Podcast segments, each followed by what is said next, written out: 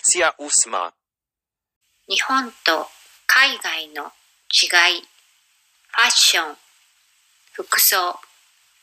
日本人と欧米人のファッションに対する考え方や特徴について少し考えたいと思います。日本ではアニメからの影響なのか、女性は可愛らしいデザインの洋服が多いように思われます。日本人女性は成人しても可愛い服を好む人が多いです。大人になっても可愛くいたいという意識があるのかもしれません。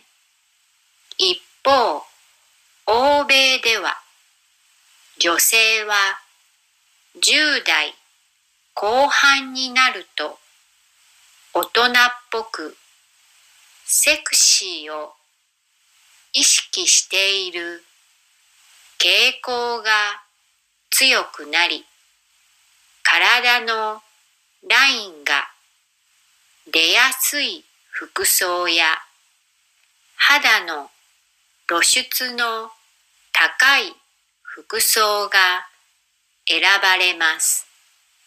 夏の間は日本人は日焼けしないように長袖を着たりして肌を隠す人が多いですが欧米人は夏には肌を焼きたい人が多くより涼しく快適な服を好みます。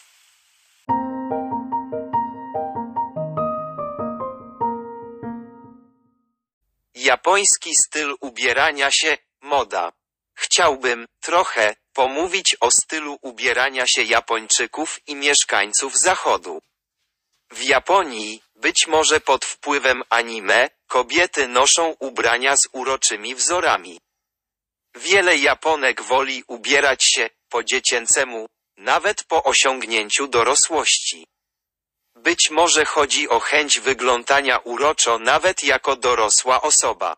Z drugiej strony na zachodzie nastoletnie kobiety są bardziej świadome bycia dojrzałymi i seksownymi i wybierają ubrania, które eksponują ich linię ciała i odsłaniają skórę. Latem wielu Japończyków ukrywa skórę, nosząc długie rękawy i inne ubrania, aby uniknąć oparzeń słonecznych, jednak wielu mieszkańców zachodu woli bardziej przewiewne i wygodniejsze ubrania. Ponieważ latem chcą opalić skórę.